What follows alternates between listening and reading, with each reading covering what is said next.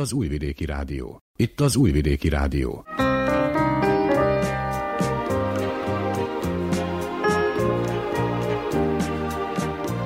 Egészségügyi mozaik.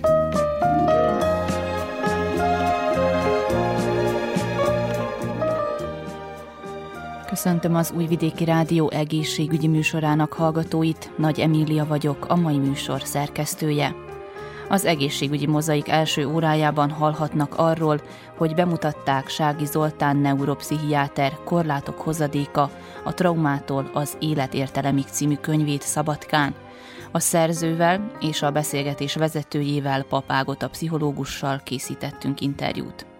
Szeptemberben egy pályázat zajlott Zentán, amely keretein belül az anyák szép szülés élményeikről számolhattak be.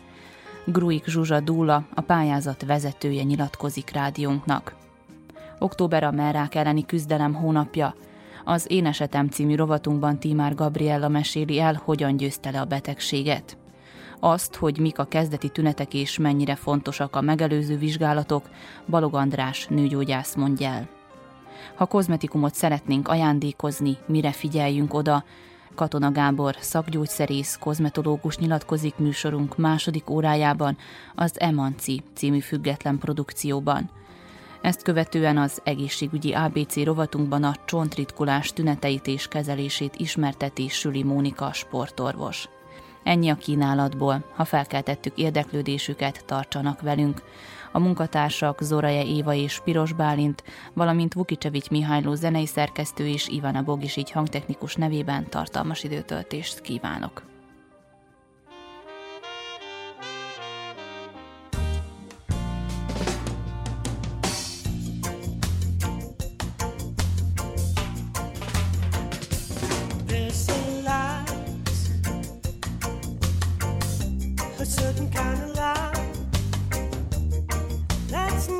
passion.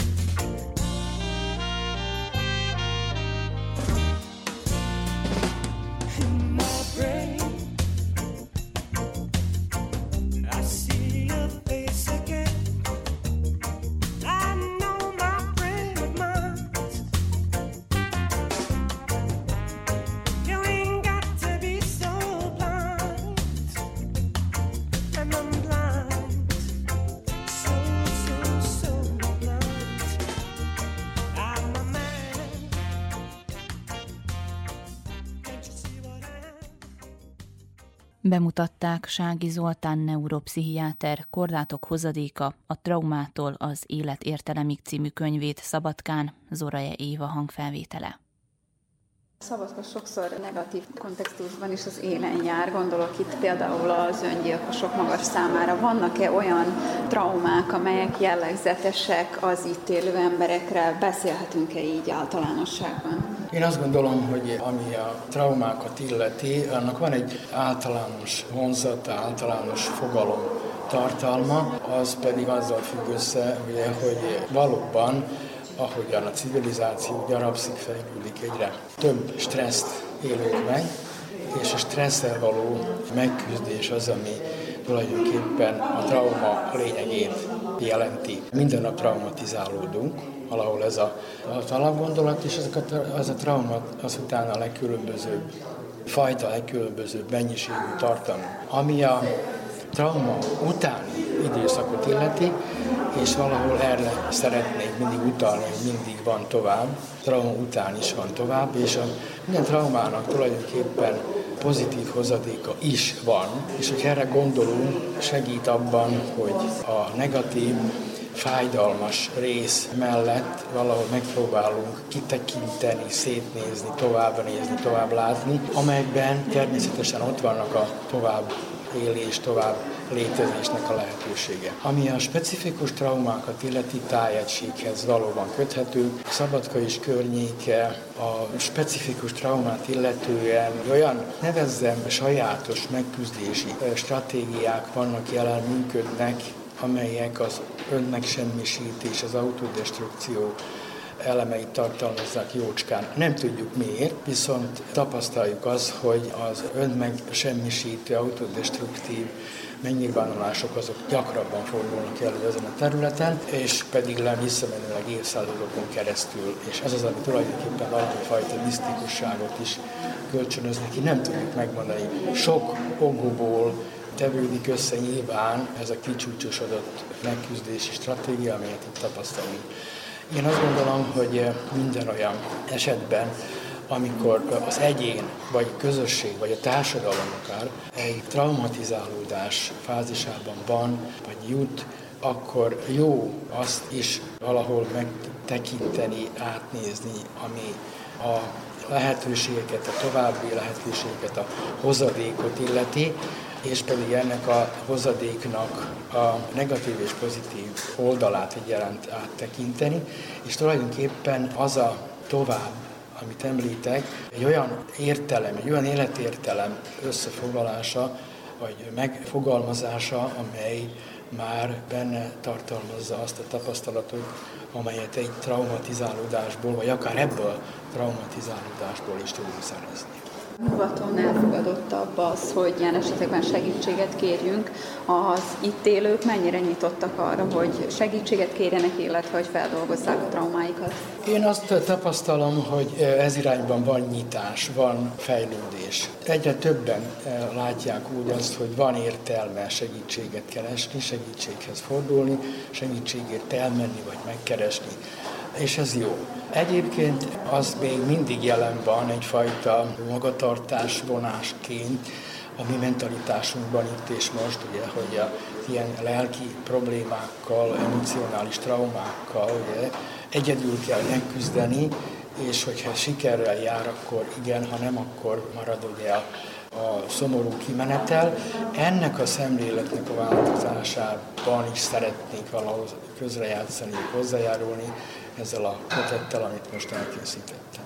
A szerzővel Pap Ágota pszichológus beszélgetett. Azt látom, hogy van változás, egyre többen keresik a segítséget, a megoldást, illetve a környezet is egyre korábban felismeri ezeket az intőjeleket, talán hála egy kicsit a médiának is, illetve az információknak, és hogy sokkal gazdagabbá válik a megtartás, a közeli hozzátartozók vagy a szerettek részéről, és így aztán könnyebben jutnak el szakemberhez is, illetve hogy előbb ismerődik fel az a pillanat, amikor már ők maguk nem elegendők ennek a megsegítésében. Sági doktor elmondta, hogy a traumáknak nagyon sok pozitív hozadékai is lehetnek. Mit gondolsz erről? Mi az, amit kaphatunk azoktól a sérelmektől, amiket átélünk? Minden esetben, ugye mi, akik itt a Balkánon szocializálódtunk, ha mondhatom ezt, ezért nagyon sok minden ért bennünket. Nagyon sok veszteségünk volt, nagyon sok olyan válság volt, amihez alkalmazkodnunk kellett, és ez ugye a trauma valahol így is felfogható, amivel úgy érzelmileg nem tudunk megküzdeni, illetve túlságosan erős érzelmi töltete van, az mindig hoz valamiféle változást. Ez a változás lehet jó, illetve lehet kevésbé jó. Ha jó, akkor ez növelheti az alkalmazkodó képességünket egy újabb hasonló helyzetben, tehát generalizálódik ez a képesség, és hogy ezzel aztán a megerősítő, illetve a coping mechanizmusaink és az önvédelmi, védelmi mechanizmusaink is gazdagodnak és bővülnek. Szeptemberben zajlott a Zentai IUNO Dula szolgálat pozitív szülés élmény pályázata. Az eseménnyel kapcsolatban az ötletgazdával, Gruik Zsuzsa Dúlával Piros Bálint beszélgetett. Mesélnél a pályázatról kicsit bővebben, hogy mi lett, milyen célral jött létre, kiknek szólt? Én a környezetemben azt látom, hogy sokan nagyon félnek a szüléstől, vagy legalábbis tartanak tőle, mert nem tudják, hogy mire számíthatnak. A járvány előtt legalább volt egy biztos pont, hogy az apa vagy más kísérő az anyával lehetett a szülőszobán, de a COVID miatti intézkedések elvették ezt a biztonságérzetet a nőktől. Aki szülés előtt áll, az szereti mások szülés történeteit hallgatni általában, hogy ezzel csökkentse a bizonytalanságot és akkor jönnek a barátnők ijesztőbbnél ijesztőbb történetei, meg a Facebook csoportokban a rémtörténetek, Ezeknek egyébként megvan a létjogosultságuk, egyrészt mert akinek rossz vagy egyenesen traumatikus volt a szülés élménye, annak terápiás hatású lehet, ha ezt másokkal megosztja, másrészt muszáj visszajelezni és nyilvánosságra hozni a rossz élményeket, hogyha jobba akarjuk tenni a szülészeti ellátást. Minden szülésélménynek van létjogosultsága, csak valahogy a rémtörténetek nagyobb hangsúlyt kapnak. Mert végül is minek osztam meg nyilvánosan, hogy mennyire jó volt szülni, mennyire jó volt a szülésem, amikor ez életem egyik legintimebb pillanata volt, ami csak rám tartozik. Viszont aki szeretne ráhangolódni a közelgő szülésére, az szívesebben olvasgat pozitív történeteket, ahol a szülésznő kedves volt, viccelődtek a dolgozókkal, ahol egymásra tudott hangolódni a szülőnő meg a szülészorvos. Ezeket a történeteket szerettük volna összegyűjteni, és mindenki számára elérhetővé tenni az interneten. Ahhoz nagyon ragaszkodtunk, hogy nevek ne szerepeljenek ezekben az élménybeszámolókban, részben azért, mert nem akartuk, hogy egy-egy sztárorvosra vagy sztárszülésznőre irányuljon a reflektorfény, hanem az anyákat és a szép szüléseket akartuk a középpontba állítani. De részben azért is, mert ugyanabban a kórházban ugyanazokkal a szakemberekkel körülvéve az egyik nőnek csodálatos, a másiknak meg traumatikus lehet a szülésélménye, és nem akartuk, hogy bárki abba a hibába essen, hogy néhány ilyen szép szülés történet alapján választ magának orvost nem lehet sajnos megspórolni ezt a munkát, rá kell szállni az időt, és meg kell keresni azt, aki számunkra a legjobb, még hogyha barátaink vagy az ismerőseink számára egyáltalán nem is lenne megfelelő az az ember, aki számunkra a legjobb lehet. A pályázatra zentai szülés történeteket vártunk, és a legfőbb tanulság az volt, hogy a szép szülés számtalan módon megvalósulhat. 12 történet érkezett be, ezeket a szépszülésvajdaságban.wordpress.com weboldalon bárki elolvashatja, sőt lehet is még beküldeni történeteket bármilyen szép szülésélményről, ami Szerbiában zajlott. A pályázatra beérkezett történetek között van programcsászáros szülés, két császármetszés utáni hüvei szülés, extra gyorsan pár óra alatt lezajló szülés, olyan, ahol az anya kiabált és káromkodott, vagy ahol az orvossal viccelődött, és van történet magától induló szülésről, meg indított szülésről is, szóval tényleg nagyon sokfélék a történetek, és érdemes időt szánni rá, hogy az ember elolvassa őket. Mitől lesz szép vagy pozitív egy szülés? Mit jelent ez? Szerintem a legtöbb nőnek van egy előzetes elképzelése arról, hogy milyen a szép szülés, például, hogy gyorsan lezajlik, vagy nem fáj annyira, vagy egyáltalán nem végeznek beavatkozásokat, vagy a választott orvos halk zene mellett kiemeli a babát az anya hasából. De ezek az elképzelések csak a legritkább esetben tudnak megvalósulni pont úgy, ahogy az anyák azt előre elképzelik, mert a szülés nagyon bizonytalan, azt nem lehet előre eltervezni. Az, hogy szép egy szülés, az kizárólag attól függ, hogy az anya szépnek ítélje meg. Tehát ebben a kérdésben nem számít, hogy a szülésznő szerint szép szülés volt-e, vagy hogy az orvos mit gondol, meg az se lényeges, hogy az anyós vagy a barátnők vagy szomszédok bárki más szerint szép szülés volt-e. Ezt csak az anya tudhatja, mert az ő élményéről van szó egy sürgősségi császármetszést, meg komplikációkkal tele lévő szülést is meg lehet élni pozitívan, és lágy zene, meg kellemes illóolajok melletti vajudás is lehet rossz emlék, ha mondjuk az anya azt érzi, hogy magára hagyták, és rengi rá se nézett. Figyelembe kell venni azt is, hogy idővel változhat, hogy mit gondol az anya a szülésről. Lehet, hogy kezdetben csodálatosnak ítéli meg, és csak hónapokkal később jön rá, hogy tulajdonképpen neki ez egy rossz élmény volt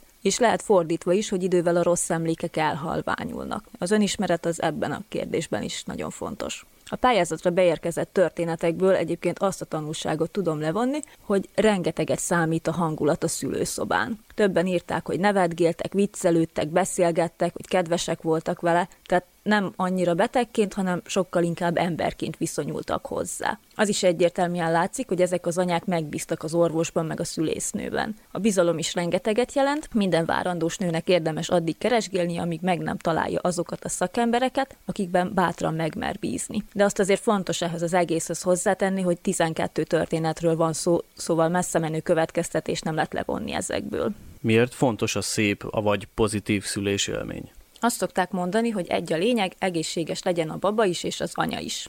Ha megszületik egy újszülött, azt is nagyon sokszor úgy adja hírül az újdonsült apuka, hogy ez a neve, ennyi grammot nyom, ilyen hosszú, és anya-baba jól vannak. De ez csak arra szokott vonatkozni, hogy testileg, fizikailag mindketten rendben vannak és egészségesek. Csak ugye az egészség az ennél többet jelent. Az egészségügyi világszervezet meghatározása szerint testi, lelki, szociális jólétről van szó, és ebbe beletartozik az is, hogy az anya hogy érzi magát, hogy élte meg a szülést, hogy tud kapcsolódni a kisbabához, milyen érzésekkel, gondolatokkal van tele a feje. És ez még csak az anya oldala. A szülés az anyák életében egy nagyon meghatározó esemény, ha az anyának szép szülésélménye van, akkor az erőt ad neki. A vajudás és a szülés egy nagyon fájdalmas és kimerítő folyamat, de ha ezen az úton az anya végigmegy, végig tud rajta menni, akkor hatalmas erők szabadulnak föl benne. És ez nagy lehetőség a személyiség fejlődésre arra, hogy az anya önbizalma növekedjen, hogy kompetensnek érezze magát az anyaságában. A szép szülésélmény ahhoz is hozzájárul, hogy könnyebben, vagyis gördülékenyebben menjen a szoptatás, és hogy optimálisan alakuljon a kötődés az anya és a kisbaba között, ez pedig a legjobb életkezdet egy kisbabának.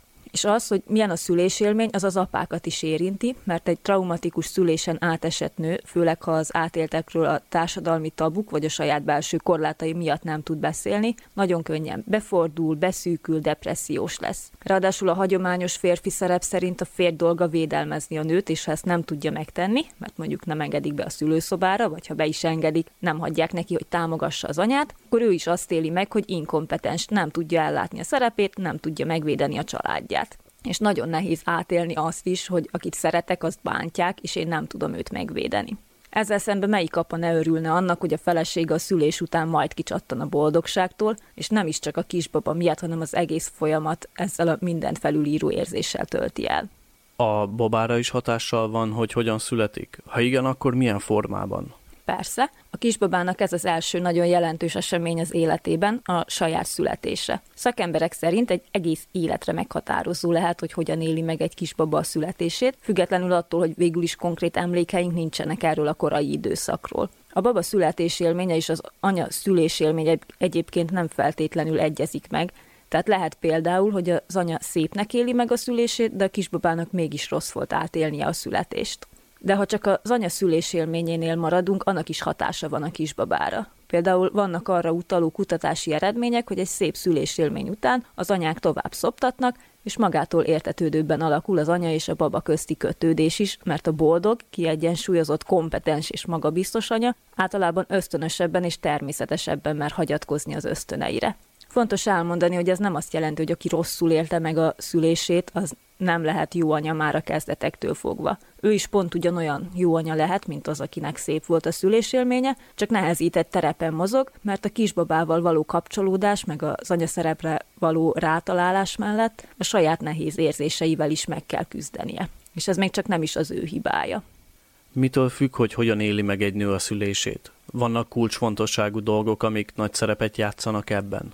Vannak kutatások és tanulmányok, amik próbálják föltárni a szép szülést elősegítő tényezőket. Ezekből kiderül például, hogy nagyon fontos ebben a kérdésben, hogy azt érzi-e a nő, hogy a saját szülésében kompetens, tehát hogy tud szülni. Ha úgy jön ki a szülőszobáról, hogy hú, hát ez nagyon nehéz volt, de megcsináltam, megcsináltuk, akkor azt jó eséllyel szép szülésélményként könyveli majd el magában de hogyha azt érzi, hogy a feje fölött döntöttek, vagy hogy kivették a kezéből az irányítás, semmibe vették, elvették tőle a saját szülését, akkor meg inkább azt gondolja, hogy hát ő nem is tud szülni, vele valami baj van, vagy esetleg akár azt is, hogy rajta most erőszakot tettek. És akkor így ez neki nem lesz egy szép szülésélmény. Persze az is számít, hogy mennyire elviselhető a fájdalom, hogy éli ezt meg a nő, tudja-e kezelni, vagy teljesen elveszíti a kontrollt és nyilván lényeges eleme a szülésélménynek, hogy rendben lezajlott-e minden, volt-e szükség valamilyen beavatkozásra, hogy van a kisbaba, hogy van az anya. És persze nem szabad elfelejteni, hogy a kórházi dolgozók maguk mennyit tehettek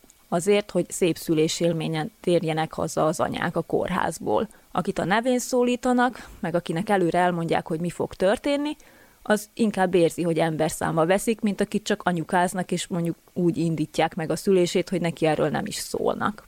Fontos, hogy mennyire tudják bátorítani, támogatni az anyát, biztatják-e, vagy inkább ítélkeznek fölötte, esetleg megjegyzéseket tesznek a kinézetére, vagy arra, hogy milyen rossz a fájdalomtűrő képessége. Az emberségnek a szerepét szerintem sokan hajlamosak lebecsülni, pedig rengeteget számít abban, hogy milyen lesz az anya szülés élménye. És meg kell említeni az anya hozzáállását is, mert kislányként sokan azt hallják otthon, hogy a szülés nagyon fáj, és túl kell rajta esni, és aztán a filmekben is azt látjuk, hogy a nők magukon kívül ordítanak, aztán megszületik a baba, és minden rendben van. Valahogy az van a társadalomba belenevelve, hogy a szülés az egy szükséges rossz. Ezt érdemes még szülés előtt átgondolni, akár szakemberrel is beszélgetni erről, mert ha úgy megyünk be a szülészetre, hogy semmi jót nem várhatunk, akkor tényleg nehéz lesz ebből bármi jót kihozni. Viszont konkrét recept nincsen, nem lehet előre bebiztosítani, hogy milyen élménnyel távozunk a kórházból. A legtöbb, amit tehetünk, hogy jól megválasztjuk, hol és kivel szeretnénk szülni, és erősítjük magunkban azt az érzést, hogy tudok szülni.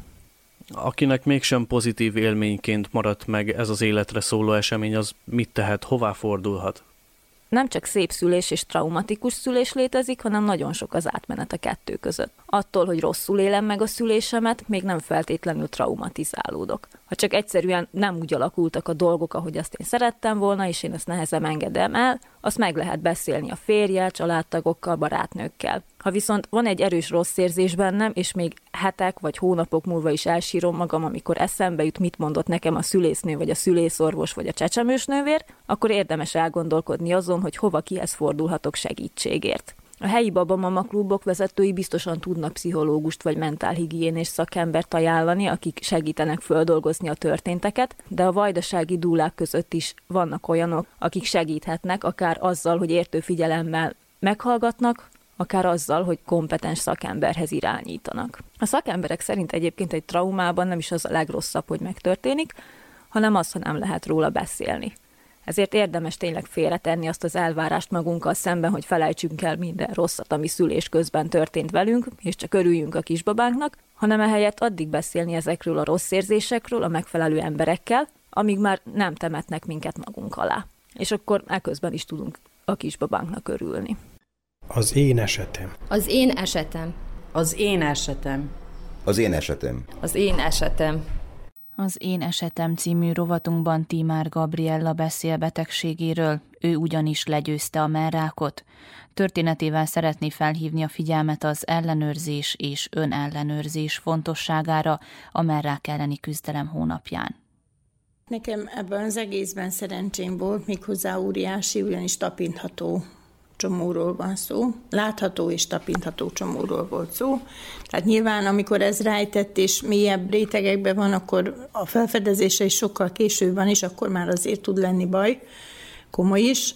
Itt viszont érezhető volt ez a csomó, és én nagyon sokáig, hát nagyon sokáig, ez relatív dolog, hogy nagyon sokáig, nyilván nem évekig, de tehát hetekig, hónapokig vívódtam vele, hogy elmenjek orvoshoz, mert hogy aztán az emberben benne van ez a rossz érzés, amikor a, a megérzése azt mondja, hogy el kell menni, mert ebből baj van. És hát ezt pontosan így éreztem én is, de hát mindig reménykedik az ember, hogy mégsem. És aztán ez egy... nőtt, ez a dolog? Hát igen, végül is igen, és tapintható volt, tehát tusoláskor minden egyes este szembesültem el, illetve szembesülnöm kellett vele, hogy ez nem fog elmúlni magától, hiába hessegetem ezt az egészet magamtól, és egyszer csak rászántam akkor magam, hogy akkor már pedig most igenis elmegyek. Igen, tehát végül is oda jutottam, hogy kértem beutalót, és elmentem ultrahangra, és hát amikor megvizsgálta a doktornő, akkor közölte, hogy már pedig ez rossz indulatú tumor.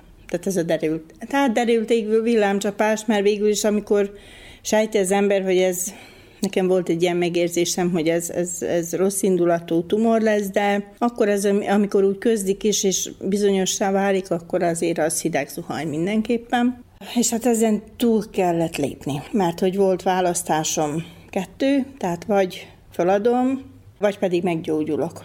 Tehát ez a két opciód van. Tehát nyilvánvalóan sajnos aki úgy dönt, hogy meggyógyul, sem mindig sikerül, tehát ez is benne van rákos betegeknél nyilvánvalóan, de úgy gondolom, hogy ez nagyon fontos, hogy az ember eldöntse magába, mert hogyha ez az akarat nincs meg, és ez a, ez a küzdő képesség, akkor viszont nagyon hamar ebből baj van. Így is lehet, de úgy akkor biztosan. Tehát nagyon nehéz ezt eldönteni, illetve ezen túllépni is, mert ez nyilvánvalóan a hányan vagyunk annyiféle típusú a betegség, és annyiféle emberből vagyunk faragva, tehát kinek-kinek milyen a hozzáállása, ki hogy éli ezt meg, ebben nem lehet általánosítani. Tehát ez egyéni dolog mindenképpen, de úgy gondolom, hogy az szerencsés, hogyha úgy áll az ember hozzá, hogy ez egy feladat, amit meg kell oldjon, és tenni kell, amit az orvosok mondanak. Tehát nem szabad azon gondolkodni, hogy ebből most baj lesz, és hogy mi lehet ennek a végkifejlete. Igazából arra kell koncentrálni mindig, ami az adott vizsgálat. Azt el kell végezni, amit az orvos mond, tovább kell csinálni. Illetve hát nyilván nem kerülhető el az sem ilyenkor, hogy az embernek jönnek a rossz gondolatai, halálfélelme és, és hasonlók. Nekem is volt, tehát ezt aki azt mondja, hogy nem így van, az, az nem igaz, tehát ez biztosan, hogy nem tudja elkerülni. De itt megint van egy olyan, hogy kényszerítettem magamat arra, hogy eltereljem a gondolataimat rosszról, és pozitívakat gondoljak. Tehát ez egy furcsa ezt mondani, de ilyenkor az embernek ez egy jó kis önfejlesztő tréning igazából ez a betegség, mert hogyha túl tud ezen ilyen módon lépni, tovább tud lépni ezen, akkor egyrésztről átértékeli az egész életét, megváltozik a fontossági sorrend, és mint amit mondtam, hogy egy kis önfejlesztő tréning is ebben benne van, mert saját magadról is sok mindent megtanulhatsz, tehát a tűrőképességedet, a kitartásodat, a hozzáállásodat a dolgokhoz, azt, hogy hogy tudod kontrollálni a gondolataidat, a hangulatodat. Tehát ez, ez kemény munka egyébként, nagyon kemény, de hát úgy gondolom, hogy a végén ez akár pozitívat is hozhat az ember életébe, sőt, család hogy fogadta, illetve mondta-e már nekik azt, amikor még csak gyanakodott és még nem ment orvoshoz? Nem, csak akkor, amikor már bizonyos volt a dolog, akkor mondtam el. Hát persze, hogy mindenki megrémült, ugye ez általában az első reakciója, amikor azt hallja, hogy valaki rákos, akkor megkül mindenkibe a vér. De hát valószínűleg látták rajtam, hogy nem, nem igazán adom föl, tehát nem, nem, én nem vagyok úgy megrettenve ettől, tehát nem pánikoltam be, és ilyen hasonlók, ha nem csináltuk. Tehát mellettem voltak végig, és ez rengeteget segített. Jöttek velem, amikor kellett, hívtak, telefonon beszéltünk, tehát ez nagyon fontos. Tehát saját magadnak kell megküzdeni ebben végeredményben, lelkileg, de az nagyon fontos, hogy van-e támaszod. Nekem hál' Istennek volt támaszom, és mai napig is van, és ez mindentől többet ér, tehát ez megfizethetetlen dolog. Kell az orvos, kellettek a kapcsolatok, kellett az, hogy ez gyorsan intéződjön. Tehát rögtön, rögtön volt a reagálás arra, hogy orvoshoz és műtét és, és minden, és ez a szeptember 30-ai diagnózist követően engemet november 30-án már megműtöttek. Tehát ez ilyen halálos iramba volt, hogy ilyen jelzővel illessem és ez nem tudom hány utat jelentett Kamenicára és vissza, és, és Újvidékre is vissza, de ezt így kellett csinálni. Tehát akkor ez volt a legfontosabb, és minden más mellékes volt. Mert ezen túl, először is túl kellett lenni egy műtéten. Tehát ott el kell, hogy távolítsák azt a, azt a rossz indulatú tumort, mert annélkül gyógyulás nem lehet. És amikor ez megtörtént, akkor, akkor januárban már kezdtem a gyógyszeres kezelést, illetve áprilisban a sugárkezelést. 2018-ban műtöttek, és 2019 évelején akkor volt a sugárterápia. Nekem szerencsém volt, megint azt mondom, én nagyon szerencsésen jöttem ki ebből az egészből, hogy tehát nem kellett, hogy kemoterápiát kapjak, mert kezdeti stádiumban volt, és nem voltak áttétek. Tehát ez, amikor időben megy az ember az orvoshoz, tehát vettek még a hónajból is ki nyirokcsomókat, de ezek nem voltak rossz indulatúak még. Tehát ez volt a szerencse, hogy nem kellett a kemo is még hozzá. Tehát attól nagyon-nagyon féltem. Az volt az, amit mindig el kellett tereljem a gondolatomat, hogy nem fog arra szükség lenni, és hogy, hogy meg fogom úszni ettől kevesebbel, de nagyon-nagyon féltem tőle, hogy mégis lesz. Tehát ez komisszióra kerül az ember, tehát nagyon, nagyon sok bürokratikus procedúrája van magának az egész gyógykezelésnek, ami magába fárasztó egyébként, és hát ezt végig kell az, a betegnek mennie, és nagyon sok a várakozás, és, és nagyon sok a nyűglődés ebből az egésszel, mire oda jut, hogy akkor most már valamit kezdenek vele, és kezelést kap. Tehát ez önmagában egy ilyen nagyon depresszív dolog ebben az egészben, de amikor már ott voltunk, hogy akkor igen, és, és láttam, hogy a sugárterápia is nem a 32 adag, csak a 19, akkor ez, ez mind még adott egy löketet, hogy akkor ez most már jó tud lenni. És utána, mivel ez hormonérzékeny daganat volt, és nem volt elég önmagába a gyógyszeres kezelés, meg kellett, hogy kezdjem 19. októberében az inekciós, tehát még plusz hormonterápiát, tehát az egyik öt évig, a másik három évig tart. Az eredményem eddig jók, tehát ezt a kontrollákat kell csinálni mindenképpen. Én akkor, amikor a daganatról tudomást szereztem, akkor nyilvánvalóan az ember utána olvas, ugye nyilván ismerjük a rákot és ezt a betegséget, de addig még nem vagyunk érintettek személyesen benne, addig nyilván ezt felületesen, illetve hát a családtagunk vagy valaki nem érintett a közeli hozzátartozóink közül, addig nem foglalkozunk ebben azért annyira részletesen, de akkor, amikor ez kiderült, hogy hát ez pont én vagyok az, aki ezt elszenvedheti, akkor viszont nagyon utána olvastam. És ezzel is vigyázni kell, mert főleg az interneten lehet aztán mindenfélét olvasni, és nyilván nem vagyok orvos, tehát ezt nem tudom kiszűrni, hogy mi ebből a valós és mi, ami nem az. Viszont volt olyan ismerősöm, aki sorstársam, majd így mondom, aki ezen túl volt már, és ő általa jutottam egy könyvhöz, amiben egy amerikai orvos írja le a tulajdonképpen ránk megelőző étkezést, de nagyon szépen leírja, tehát megindokolja tulajdonképpen azt, hogy ő miért javasolja azt, hogy bizonyos ételeket fogyaszthatunk, illetve nem fogyaszthatunk, és ebben összességében el is mondja, ennek a, az egésznek a fizikáját, tehát hogy hogyan működik a dolog. Nyilván ezt is el kell mindenki, hogy döntse magába, hogy hisz ebben vagy sem. Igazából ezzel az étkezéssel kapcsolatosan még orvosi körökben sem igazán foglalkoztak, illetve hát ha rá is kérdeztem olyan Hát ilyen semmiféle választ szinte nem kaptam, tehát erről nem igazán beszéltek. Viszont én akkor elkezdtem egy olyan étkezést, ami mindenféle szénhidrátot teljes mértékben kizárt.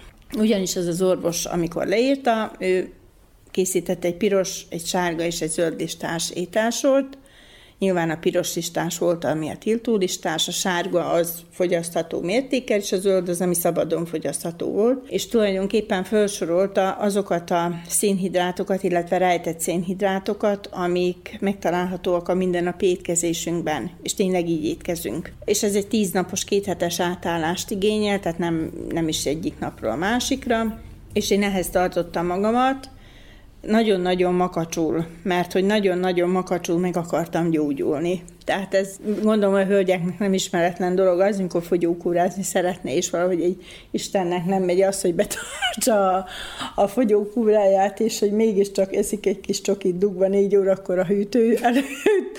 Ez most egy teljes más dolog volt, itt nem, nem diétázni szerettem volna, hanem meggyógyulni, mert hogy a színhidrát táplálja rákos sejteket. Tehát én makacsul hittem abba, hogy éhalára ítélem ezáltal az összeset, ami még bennem maradt. És én ezáltal még egy 10 kilót le is fogytam, tehát beállt azután a súlyom egy bizonyos kilónál, és aztán már nem fogytam tovább. Sokkal jobb volt a közérzetem egyébként, mint előtte. Azután a kórházba ezt már nem tudtam így folytatni, mert ott ugye erre nem volt lehetőség már, de amikor onnan hazajöttem, akkor is még ezt egy jó darabig. Így étkeztem a mai napig, nagyon-nagyon figyelek arra, illetve vigyázok arra, hogy nagyon kevés cukrot fogyasszak. Egyébként el lehet tőle szokni, mert hogy nem is esik jó tulajdonképpen az édes most már. Tehát nagy ritkán, még gyümölcsben még, még el is fogyasztom ritkán, de kalács is ilyesmi nagyon-nagyon keveset, és nagyon-nagyon ritkán fordul elő, hogy fogyasztok kalácsot, vagy bármilyen ilyen édes süteményt. A fehér kenyeret sem fogyasztom, sőt a kenyeret is nagyon keveset. Tehát azt is csak egy olyan, ami ilyen hronoétkezéshez használható kenyér, tehát arra álltam át, illetve hát próbálom inkább a zöldséget és a, a gyümölcsöt fogyasztani, a gyümölcsöt is nyilván gyümölcs cukor miatt megvan, hogy melyikeket igen és melyikeket nem. És hát az, ami még ugye a mozgás kell ebbe, nekem meg hát mindig időszűkébe vagyok, és akkor a munkába jövet menet, a, a séta az, az, ami megvan. Tehát igazából ettől többet is kellene sportolni, de egyelőre ez fért bele is és ezt én úgy gondolom. És akkor ez mellett még persze az immunerősítés, a vitaminok, ami még nagyon fontos, D-vitamin, magnézium, cink, C-vitamin, ami mind ami az immunrendszert erősíti, hiszen a, az immunrendszer, ha nem erős, illetve nincs toppon, akkor van az, hogy betegek vagyunk. A merrák megelőzésénél rendkívül fontos a folyamatos szűrés, a korai stádiumban felismert betegség ugyanis gyógyítható, mondja Balog András nőgyógyász. A merrák a nők körében a leggyakoribb rák megjelenési forma. Minden nyolcadik, tizedik nő megbetegszik már rákban. Az okát egyenlőre még nem tudjuk. Bizonyos örökletes hajlam létezik, de ez mindössze a rákok 15%-ában van jelen. A többi 85%-ban nem tudjuk, hogy mi okozza a rákot, ezért legfontosabbnak tartjuk a megelőzést és a szűrővizsgálatokat. Már a ifjú felnőtt korban fölhívjuk a nők figyelmét a mellnek az úgynevezett önvizsgálatára, tehát a havonta történő mell tapintásokra. Azon kívül létezik egy screening szabály, amely szerint minden 40 éven fölüli nőnek évente egyszer el kell menni a választott nőgyógyászához, aki megvizsgálja a melleit, úgynevezett kétkezes vizsgálattal, palpatórikus vizsgálattal, klinikai vizsgálattal, utána pedig 40-től 45 éves korig évente egyszer ultrahangos vizsgálatra utalja a hölgyet, 45 év fölött pedig megkezdjük a mammográfiás szűrést, amely azt jelenti, hogy minden kettő évben megy a hölgy mammográfiára, a közti években pedig ultrahang ellenőrzésre. Ez az egyedüli bebizonyított módszer, amelyel ki tudjuk szűrni és nagyon korán időben megtalálni a merrákot, akkor, amikor még a gyógyulás százszázalékos. Tehát gyakorlatilag, ha ezt betartanánk, akkor valójában egyetlen egy nő se halhatna meg már rákba, most pedig a rák elhalálozásban az első helyen van. Az adai egészségház ezt a szabályt, hogy így mondjam, betartja, és nálunk rendszeresek a szűrővizsgálatok, a nőgyógyászhoz járnak a hölgyek vizsgálatra, de egybekötve egy nőgyógyászati szűréssel és a melvizsgálattal is, utána történnek ezek az utalások, és megy a további földolgozása az eseteknek. Elmondható, hogy manapság már nagyon korai stádiumban találjuk meg ezeket a betegségeket, és a gyógykezelés sikeres, ennek köszönve ugye az asszonyok visszakerülnek a normális mindennapi életbe. Helyel közel van még olyan eset, amikor, hogy így mondjam, saját magától is eltitkolja, vagy nem tudás, vagy félelem okából nem jelentkezik az orvosnál, és esetleg előre haladottabb állapotba kerül fölfedezésre az a rossz indulatú daganat elmondható, hogy ez inkább idősebb hölgyek esetében van jelen. Abban az esetben, hogyha megállapították a betegséget, eltávolították a daganatot, utána mennyire lehet nyugodt egy nő? Van egy utókísérési időszak, utókezelés és kísérés, gyakorlatilag hátradőni soha nem történhet meg, mert eltávolítják a tumort, illetve hát manapság már a maximálisan szövetkímélő műtéteket alkalmazzák, úgyhogy csak annyit műtenek. Régen 30 évvel ezelőtt akkor teljes mellát eltávolítások történtek, manapság már csak ilyen részleges mirigyszövet, illetve melszövetnek az eltávolítása és a daganatnak az eltávolítása történik, valamint az azonoldali hónaj mirigyeknek az eltávolítása és ez természetesen, hogy egy utókövetést követel, és utókezelést is. A kezelésnek ugye van a műtéti formája, van a gyógyszeres kezelése és a sugárterápia, amelyet mindig az onkológiai bizottság határozza meg a betegség előre haladottával, tehát a stádiumtól és a szövettani fajtától függően leggyakoribb ez a, ez a gyógyszeres utókezelés, ugye ez a hormon, hormonkezelés, ami minimum 5 évig történik, az alatt 3-6 havonta rendszeres ellenőrzések alatt van az asszony. Sajnos megtörténik, hogy ugyanabban a melben más szövettani típusú tumor újra jelentkezik, illetve a másik oldali melben jelentkezhet tumor. Tehát abszolút az, aki egyszerre meg van műtve, meg, meg van gyógyítva, azért sajnos ő se lehet abszolút nyugodt, hogy többé nem. Tehát érvényes, sőt, még hatványozottabban érvényes rá ez a szabály, hogy rendszeresen járni kell az ellenőrzésekre.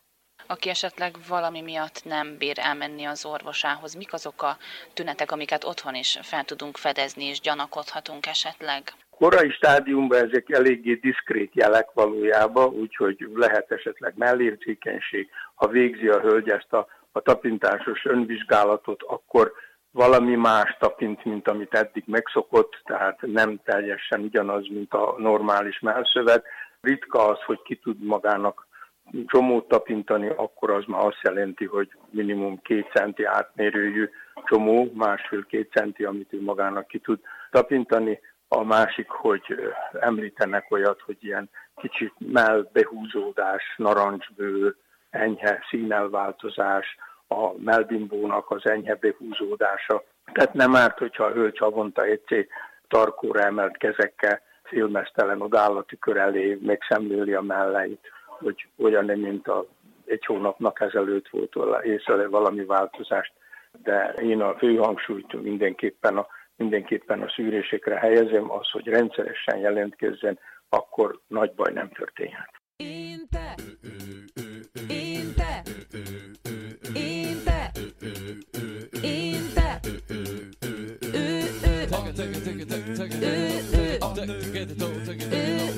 Ez mind Ez mind Ez mind Ez mind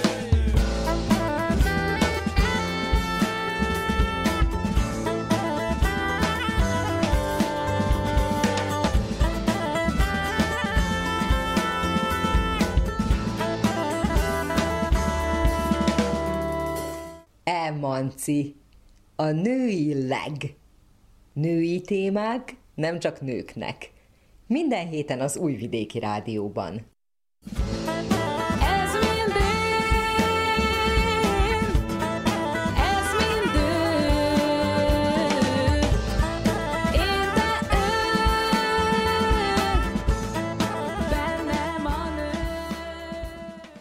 Szép napot kívánok! Raffai Ágnes köszönti az Újvidéki Rádió minden kedves hallgatóját. Nem egész két hónap van karácsonyig. Sokak kedvenc ünnepelz, amit meghitt családi körben tölt, és a szeretetről szól. Mások a gyönyörű dekorációk és az ajándékok miatt szeretik. És vannak, akik ki nem állhatják ezt az ünnepet, ami elviselhetetlen nyomást rak sokak vállára – Vásárolni, vásárolni, vásárolni. Ha tudjuk, hogy a legközelebbieknek ajándékozni fogunk valamit, nem árt, ha időben elkezdünk gondolkodni, és nem az utolsó pillanatra hagyni egy újabb pár zokni vagy kesztyű sürgős beszerzését. De mit ajándékozhatunk mondjuk egy hölgynek? Arcápolási terméket, testápolót, esetleg dekorkozmetikumot? Katona Gábor szakgyógyszerésszel, kozmetológussal járjuk körbe a témát a mai műsorban. Hogy legyen idejük felkészülni. Tartsanak velünk!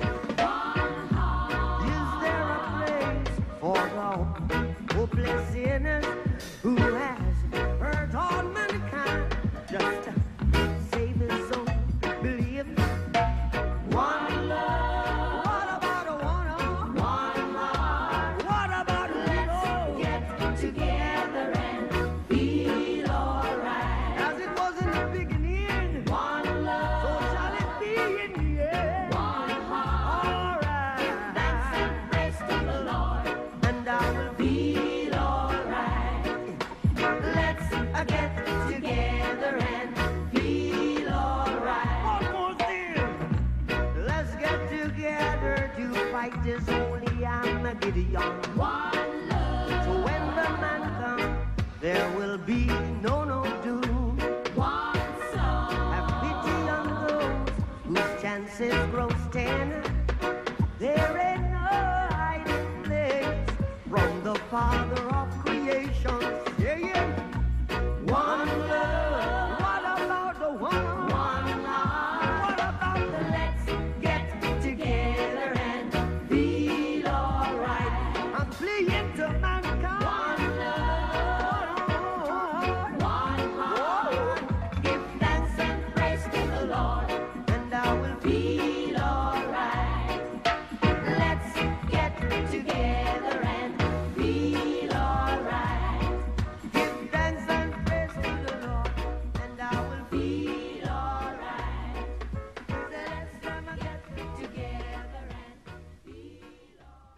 Hogyha úgy érezzük, hogy valami igazán hasznosat szeretnénk ajándékozni egy hölgynek, akkor mit tanácsolsz? Mit vegyünk neki? Mondjuk valamilyen kozmetikumot, arcápolási terméket? Vagy ez ingoványos talaj, és inkább ilyesmiben nem menjünk bele? Szerintem remek ötlet lehet kozmetikumot ajándékozni, főleg olyan esetben, hogyha tudjuk, hogy azzal a kozmetikummal segíthetünk a másikon, vagy ki tudjuk egészíteni a bőrápolási rutinját. Úgyhogy én mindig az a típus voltam, aki a jó ajándékot, azt mindig egy hasznos ajándéknak is definiáltam egyben, és biztosak lehetünk benne, hogy hónapokon keresztül az a személy, ami miközben használja ezt a terméket, minden egyes alkalommal ránk fog gondolni. Mi alapján fogjunk neki? Ez egy nagyon jó kérdés. Elsősorban mindenféleképpen azt kellene megtudnunk, hogy milyen bőrtípusa van annak az egyénnek, illetve esetleg milyen bőr problémái. Talán egyszerűbb lehet bőr problémákban gondolkodni, azok sokkal láthatóbbak, például, hogyha valakinek pattanásosabb a bőre, vagy valakinek foltjai vannak, hiperpigmentált foltjai, vagy panaszkodik arra, hogy száraz a bőre, kipirosodik, vagy egyszerűen tudjuk, hogy fontos már számára az anti-aging és a bőröregedés elleni való küzdelem, akkor ezt a kategóriát szerintem így könnyebben ki tudjuk pipálni. Talán nehezebb lehet a bőrtípust kitalálni, illetve azt, hogy milyen típusú termékeket szeret ez a személy használni. Szereti a testesebb állagokat, vagy inkább a könnyebb, fluidabb, magasabb víztartalmú termékeket kedveli. Bőrproblémák alapján egyébként ezt a kört is le tudjuk szűkíteni. Például, hogyha valakinek inkább pattanásosabb a bőre, akkor semmiképpen olyan terméket válaszunk, ami, ami vaskos és, és testes. Ha valaki pedig irritált, száraz bőre panaszkodik, legyen az a családtagunk, vagy, vagy egy egyik ismerősünk, barátunk, akkor viszont ellenkezőleg pontosan ilyen vastagosabb, testesebb, olajosabb termékeket tudunk választani. Még egy ilyen jó trükk lehet, hogyha ellátogatunk hozzá, és bekukkantunk egy kicsit a fürdőszobába, ott meg lehet nézni azt, hogyha már használ valamilyen termékeket, azok talán milyen típusúak, és az alapján tovább kutakodni, és venni egy valamilyen új terméket, és azzal örömet szerezni számára.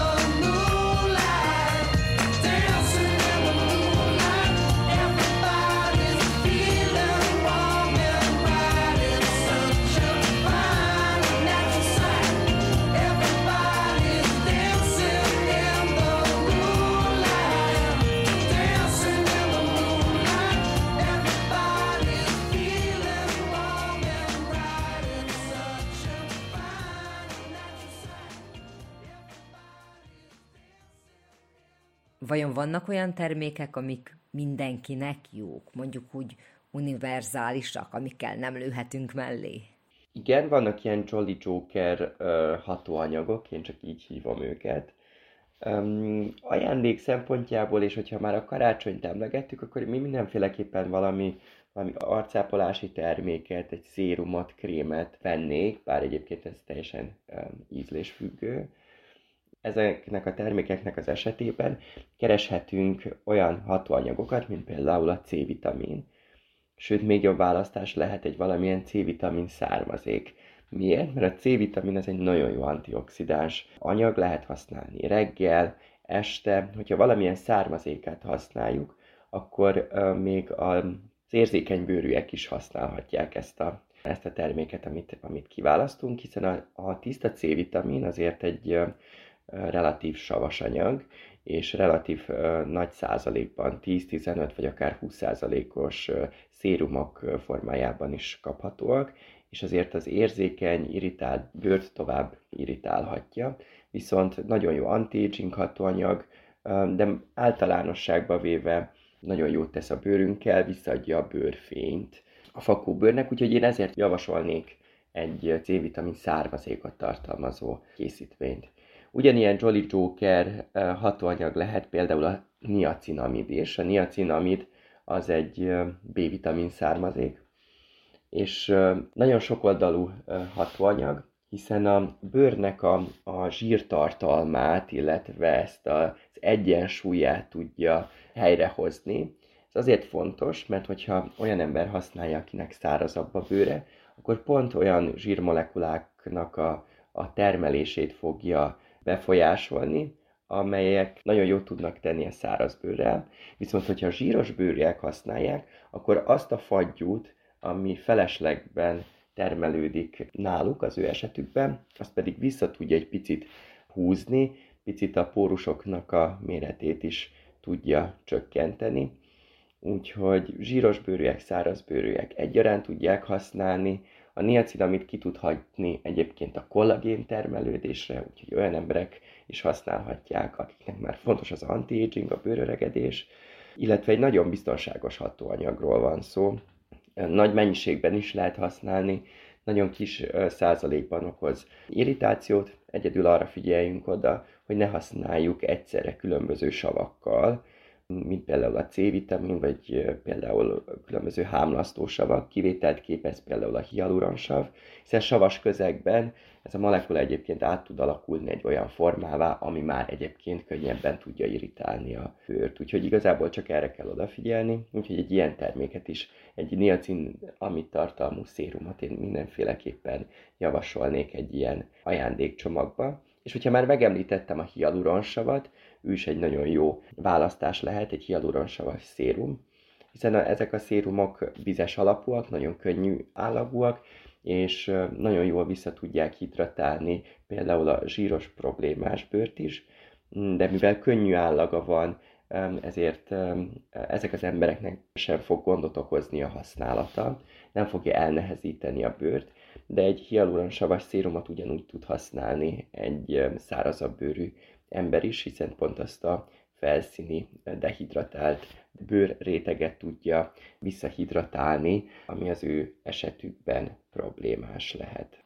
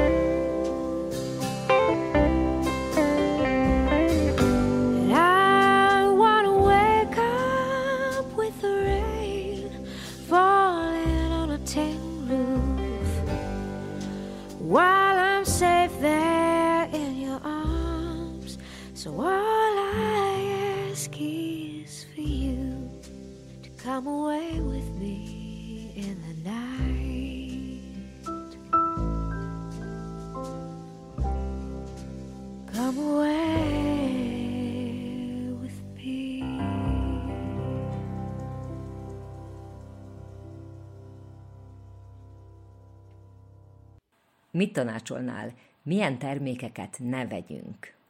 Ez is egy nagyon jó kérdés, hiszen a, már megemlítettem például a különböző hámlasztósavakat. Nagyon sokféle hámlasztósav van, és elég népszerűek manapság. Utána tudunk járni az interneten például, vagy megkérdezhetünk egy, egy szakembert, egy gyógyszerészt, hogy ha sikerül megtudnunk azt, hogy az illetőnek, aki, akinek az ajándékot veszük, milyen a bőre, és ahhoz a bőrtípushoz milyen hámlasztósavat ajánlanak. De szerintem ez nagyon rizikós.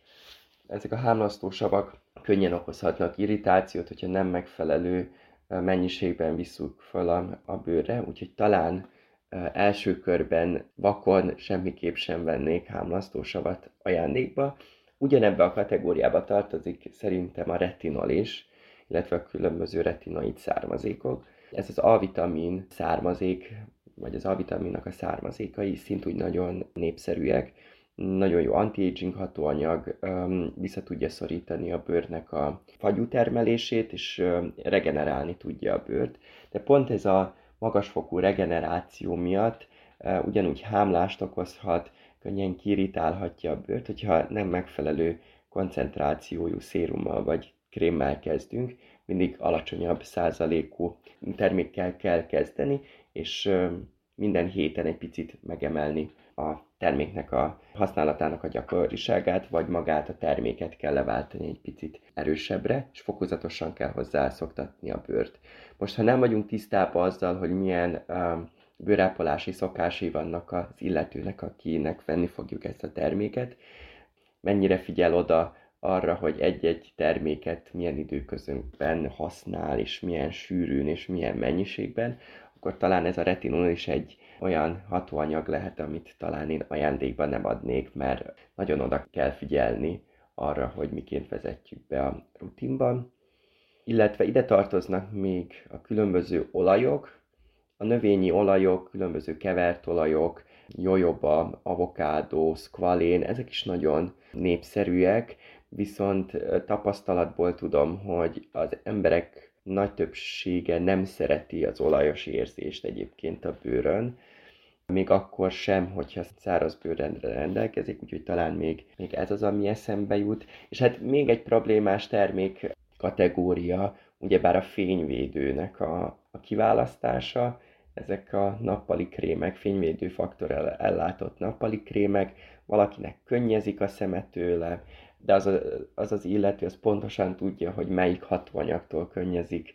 Valaki jobban szereti az ásványi fényvédőt tartalmazó termékeket, valaki nem szereti azt a szárító érzést, nagyon nehéz eltalálni a fényvédő nappali krémek esetében is az állagot, a finist, amit hagy, valaki jobban szereti a fényes finist, valaki a mattot, úgyhogy ez is még egy olyan ingoványos talaj, ami nem egy ilyen Jolly Joker termék, mindenféleképpen az előbb említett három hatóanyagra koncentrálnék, a C-vitaminra, illetve származékaira, a niacinamidra és a hialuronsavra, és még egy ilyen kis útra tőlem, ha nem vagyunk benne biztosak, hogy az illető ö, milyen fajta termékeket szeret használni, mindenféleképpen jobb egy könnyű állagú terméket venni, hiszen egy ilyen vizes vagy teljes állagú termék lehet, hogy egy szárazbőrű egyén számára nem ad megfelelő hidratáltságot, de arra még mindig rá lehet tenni egy vaskosabb krémet, viszont fordítva, hogyha egy zsírosabb, vaskosabb, sűrűbb állagú terméket választunk, akkor az illető, aki ezeket az állagokat nem szereti, biztos vagyok benne, hogy nem is fogja használni azt. Én személyesen sokszor kaptam például kézkrémet, vagy valamilyen testápolót karácsonyra, és azóta is a fürdőszopa szekrényben várják a jobb sorsukat. Ilyen jellegű kozmetikumokkal érdemes próbálkozni? Van belőlük univerzális, vagy inkább valami másban gondolkodjunk? Hát igen, ezek azok a testápolók, amely testápolók nagyon nagy mennyisége mindenkinek a, fürdőszoba szekrényében ott van, és ezek a hatalmas tégelyek, vagy flakonok tele, tele testápolóval, különböző illatokkal, állagokkal. Mondjuk én az illatnál picit megállnék, hiszen még az arcápolási termékekre ma már hál' Istennek nem is jellemző az, hogy teleteszik parfümmel, illatanyagokkal, azért a testápolók még mindig tele vannak ezekkel a különböző parfüm komponensekkel. Alapjáraton illik tudni, hogy ezek a parfümök, illatosítók könnyen ki tudják irritálni a bőrt, allergiát tudnak előidézni. Úgyhogy mindenféleképpen itt is a tudatosságra mennék rá, és keresnék olyan gyárakat, olyan brendeket, amelyek a testápolást is a tudatos bőrápolás keretein belül végzik, és a termékeik is ennek a szellemiségben készülnek és lettek tervezve. Úgyhogy ezek a testápolók biztos, hogy nem tartalmaznak illatanyagot. Másrészt pedig ez is nagyon szubjektív dolog, hogy ki milyen illatot szeret elviselni a bőrén, és hogyha hát testápolóról van szó, akkor elég nagy felületet, elég nagy mennyiségű termékkel vonunk be, és biztosak lehetünk benne, hogy órákon át illatozni fogunk, és hát valakinek a kókusz, valakinek a csokoládé, valaki jobban szereti a gyümölcsösebb illatokat, nehéz eltalálni, mert valaki testápolóban nem ugyanazokat az illatokat kedveli, mint például különböző parfümökben vagy dezodoráns termékekben. Mit gondolsz? Mondjuk sminket, dekorkozmetikumot érdemes lenne ajándékozni? Véleményem szerint dekoratív kozmetikumot is elég rizikós választani ajándék szempontjából, hiszen itt is eléggé nagy a szubjektivitás. Itt nem beszélünk már hatóanyagokról, itt színekről, állagokról beszélünk, és hát maga a szín is, vagy egy különböző nem színes dekoratív kozmetikumnál is nagyon fontos az állag, mennyire lehet fölvinni a bőre, mennyire maszatolódik el, mennyire kopik, vagy hogyha annak a terméknek maszatolódnia kell idézőjelbe, akkor ezt milyen mértékbe teszi, mennyire lehet eldolgozni a bőrön. Itt is nagyon fontos, hogy milyen finist ad, az is nagyon szubjektív, hogy az emberek milyen finisű terméket szeretnek.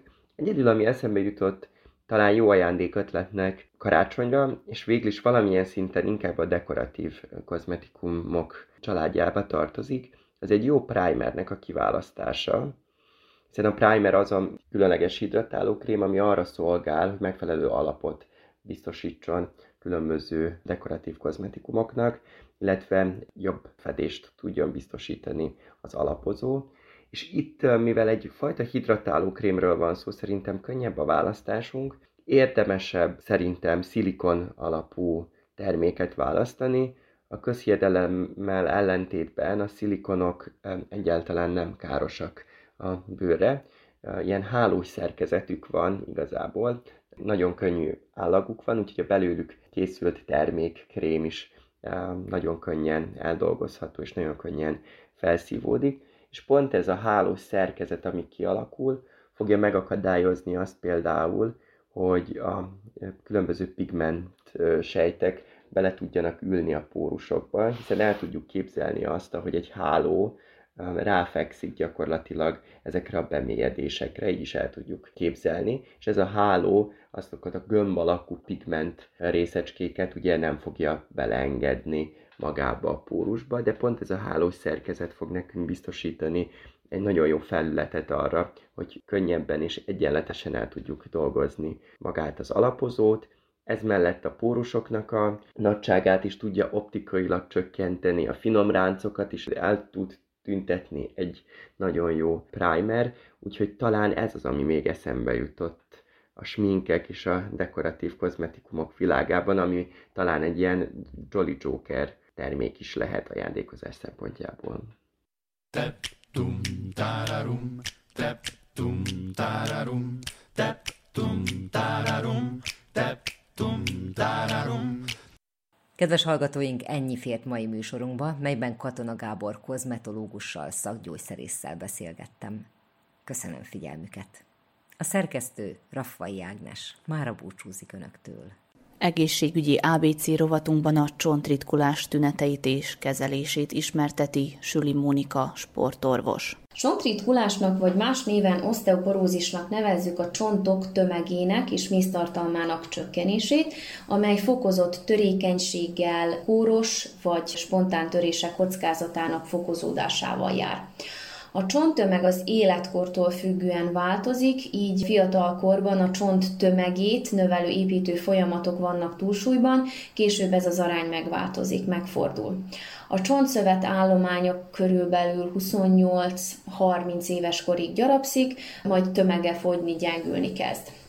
Ha a csont építő sejtek, őket hívjuk osteoblasztoknak, és a csont lebontást végző sejtek, ők pedig az osteoklasztok, működésének egyensúlya valamilyen oknál fogva megbomlik, akkor csontritkulás alakulhat ki. A betegségről tudni kell, hogy világszerte több száz millió embert érint. Szerbiában az utolsó kutatások szerint a lakosság 10%-át sújtja. Nőknél négyszer gyakoribb, mint férfiaknál, Na most a, a csontritkulást konkrétan két nagy csoportba tudjuk osztani, van az elsődleges és a másodlagos csontritkulás. A csontritkulásos esetek 80%-a az elsődleges formába tartozik, ennek is van még két formája, az egyik a posztmenopauzális, a másik pedig a szenélis vagy öregedéssel összefüggő csontritkulás. Ez az utóbbi mindkét nemnél jelentkezhet. Csontritkulás a nőknél legtöbbször hormonális okokra, változókori, ugye posztmenopauzális vagy egyéb eredetű ösztrogén hiányra vezethető vissza. Az ösztrogén hiányhoz kötődő csontritkulás a menopauza idején felgyorsítja a csontvesztést, több kutatás is bizonyítja, hogy azoknál a, a nőknél, akiknél 40 éves kor előtt menopauza, rendszertelen havi ciklus, vagy túl hosszúra nyúlt több éves szoptatás, illetve ha valaki egyáltalán nem szül az ösztrogén hiányjal összefüggésben, hajlamosítanak csontritkulásra. Sajnos a, a csontritkulás nem csak felnőtteket érinti, már fiatal korban is jelentkezhet, például a Turner szindrómában szenvedő személyeknél, magasabb prolaktin szint a vérben, ilyen embereknél is ugye túlzott fizikai megterhelésnek kitett embereknél, anorexiás embereknél, petefészek eltávolítása után is jelentkezhet, vagy mesterséges változókort előidézett hölgyeknél, illetve a korai változókorban is. Amit még fontosnak tartok elmondani, az az, hogy az öröklött rizikó tényező, ide ugye tartozik a tejfehérje vagy tejcukor érzékenység, Ez is egy fontos tényező ahhoz, hogy kialakuljon a csontritkulás, hiszen a tejjel egyik legfontosabb kálciumforrástól esik el az ember, ha nem tudja fogyasztani. Az életmódbeli tényezők a kálciumfelszívódást gátolva, vagy éppen a kiválasztást fokozva fosztják meg a szervezetet a szükséges kálciumtól. A veszélyeztetettek közé tartozik még a D3 vitamin hiányban szenvedők is, amely ugye alapvetően nélkülözhetetlen a kálcium felszívódásához. A helytelen is túlzott, egyre gyakoribb fogyókúrák sem kedveznek a csontoknak. Nagyon fontos ügyelni a kiegyensúlyozott kálcium, nyomelem és vitaminbevitelre is. A csontritkulásért ezen felül még nagyban felelős az ülő, rendszeres testmozgás nélküli életmód is. Szinte az egyik kutatás azt is bizonyítja, hogy már a fiataloknál is, akik nagyon sokat ülnek, nem mozognak eleget, már a csontritkulás, tehát ugye a fiatalabb korosztályt is érinti, és ez mind az egészségtelen életmód miatt alakul ki. A másik nagy csoport ugye a másodlagos csontritkulás. Itt valamilyen alapbetegség következményeként jön létre. Ide tartozhat gyulladásos ízületi betegség, cukorbetegség, fokozott pajzsmirigy működés, hematológiai korképek, túlzott alkoholfogyasztás, ugye alkoholizmus, gyógyszerártalmak vagy felszívódási zavarok a bélben. Mi az első jele annak, hogy gond van, hogy csontritkulással állhatunk szemben? Az első jel legtöbbször egy kisebb baleset, trauma, például egy egyszerű elesés miatti csontrölés lehet, Előre haladott formájában azonban már a mindennapi életet is veszélyezteti, sokszor más betegség után kutatva derül fény a csontritkulásra. Itt felhoznék egy példát, amivel a praxisban legtöbbször találkozom. Például egy röngen fölvétel készítésekor páciens ugye panaszkodik, kezelőorvosnak fáj a gerince, fáj a dereka, gyógyszerre nem reagál, akkor ugye kiírnak egy, egy röntgenfölvételt, és itt a, a röntgenfölvétel fölvételnél a röntgen szakorvos a gerinc diagnosztizálása mellett ugye észreveszi a csontritkulást is, és ezt felszokták a, a leleten, a, a leíráson tüntetni, akkor ugye a páciens értesül a csontritkulásról, és akkor további diagnosztikai kezelésekre küldik. Mit kell tenni, amikor tünetet észlelünk? Mindenképp orvoshoz kell fordulni, ha tudjuk, hogy vannak akár genetikai tényezők, akár nem megfelelő életmód, életvitel, akkor időszakosan el kellene menni csontsűrűség vizsgálatra, és nem pedig ugye megvárni, hogy bármiféle trauma, legtöbbször ez csont vagy csigolyatörés alakuljon ki. Tehát ami nagyon fontos, az a preventatív ellenőrzés. A betegséget csontsűrűség méréssel, vagy más néven szoktuk úgy nevezni is, hogy DEXA, vagy osteodenzitometria, ezzel szoktuk diagnosztizálni. A mérés során az osteoporotikus törésnek leginkább kitett helyeket mérik. Ide tartozik ugye a combnyak, az ágyéki csigolyák, illetve a csuklón mérik a csont tömegét. A módszer lényege az, hogy minél nagyobb tömegű a csont, annál jobban elnyeli a sugárzást, a ritkább, kisebb tömegű csont kevesebb energiát nyel el, és ezt ugye statisztikai módszerekkel aztán tudják diagnosztizálni. A diagnosztikához tartozik még ugye a röntgenvizsgálat, amit nemrég említettem, tehát egy egyszerű gerinc röntgenvizsgálattal is jól felmérhető a csigolyák kompressziós törései, hogyha van ugye, aminek következtében egyes csigolyák ék alakúvá válnak, a hát görbületei fokozódnak, kellően képzett szakember egyszerű felvétel végtelen is ugye meglátja a csontritkulás jeleit. Ezen kívül, tehát a DEXÁN, a röntgenvizsgálaton kívül laboratóriumi vér és vizeletvizsgálatokkal is lehet a csont sűrűségnek a minőségét vizsgálni, főként csontanyagcsere betegségek elkülönítő diagnózisban alkalmazzák a másodlagos csontritkulás kizárására. Hogyan lehet megelőzni a csontritkulást? Ahogy már az előzőkben is említettem, nagyon fontos a genetikai háttér ismerete. Volt-e a családunkban olyan személy, akinél ez a betegség kialakult, illetve a helyes életmód, több testmozgás, helyes táplálkozással elkerülhető ezen betegség kialakulása. Helyre lehet-e hozni ezt a problémát, hogy olyan legyen az állapot, tehát az egészségügyi állapot, mint előtte volt, mint a csontritkulás előtt volt. A gyógyulás mértéke attól függ leginkább, hogy mikor diagnosztizáljuk a betegséget. Ha fennáll a csontritkulás, akkor azt mindenképp kezelni kell, úgy, ahogy ugye a szakorvos előlátja. A klinikai vizsgálatok szerint a csontok tömegének javításában hasznosak lehetnek a flavonoidok és a biszfoszfonátok, Kiváló eredményt adhat a fizikoterápiás kezelés. Itt a kineziterápiára, ugye mozgásterápiára, vagy pedig a mágnesterápiára gondolok. Ők ketten az alappillérei ebben az esetben a, a csontritkulás kezelésének.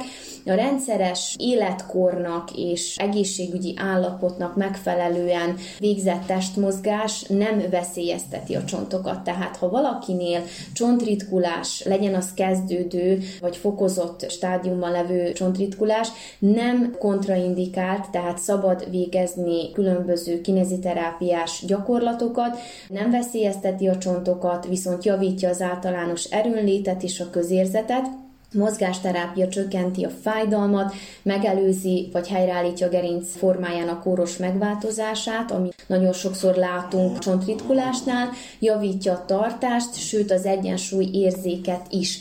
A az egésznek, a hatékonyságnak a kulcsa maga a rendszeresség. Tehát heti szinten a minimális három napon végzett torna, tehát heti három alkalommal legalább 30 perc, viszont ha a diagnosztizált csontritkulásos személy meg tudja, be tudja iktatni a napi rendjébe a napi 30 perces testmozgást, az nagyon fontos a, a javulása érdekében.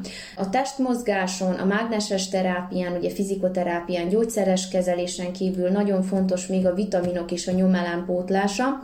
A, amit fontos kihangsúlyozni, a szervezet napi kálcium szükséglete a különböző életkorban ugye eltérő. Átlagosan 500-600 mg a naponta bevitt mennyiség, tehát ez az átlagos mennyiség, ami szükséges.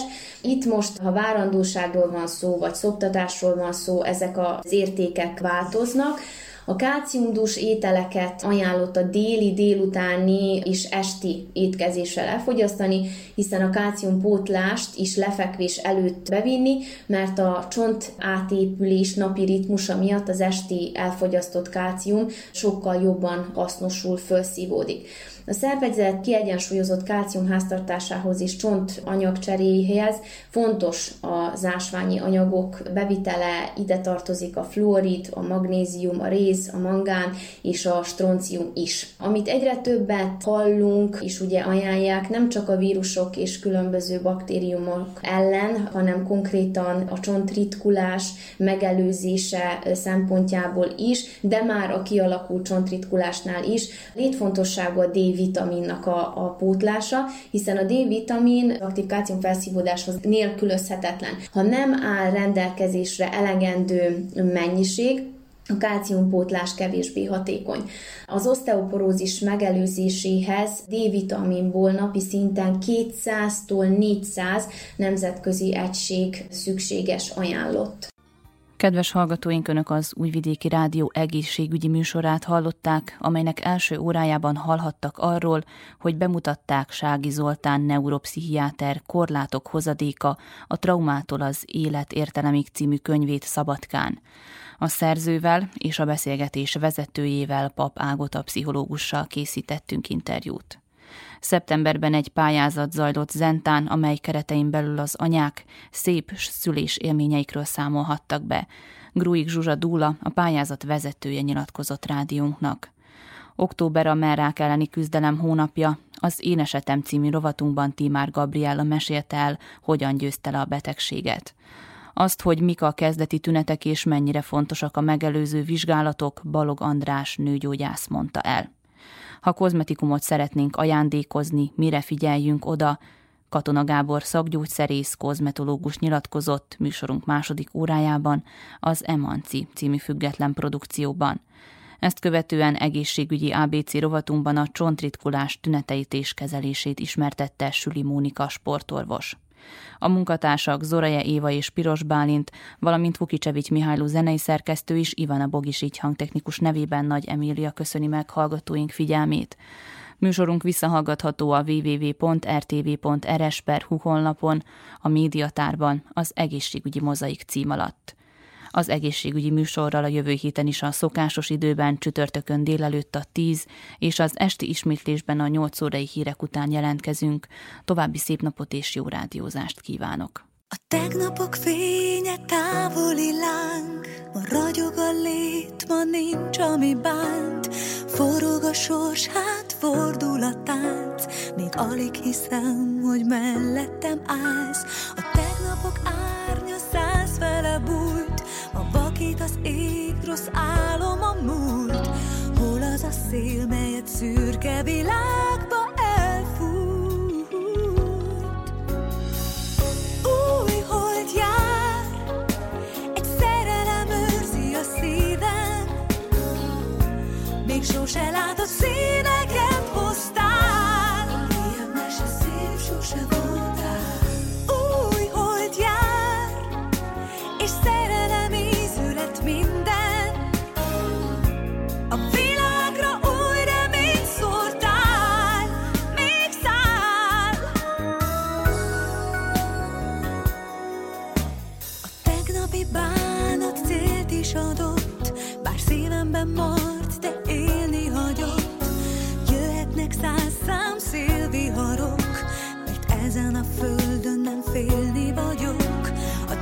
tegnapi könyv sok jót nem ígért, de keserű sója a tengerig ér.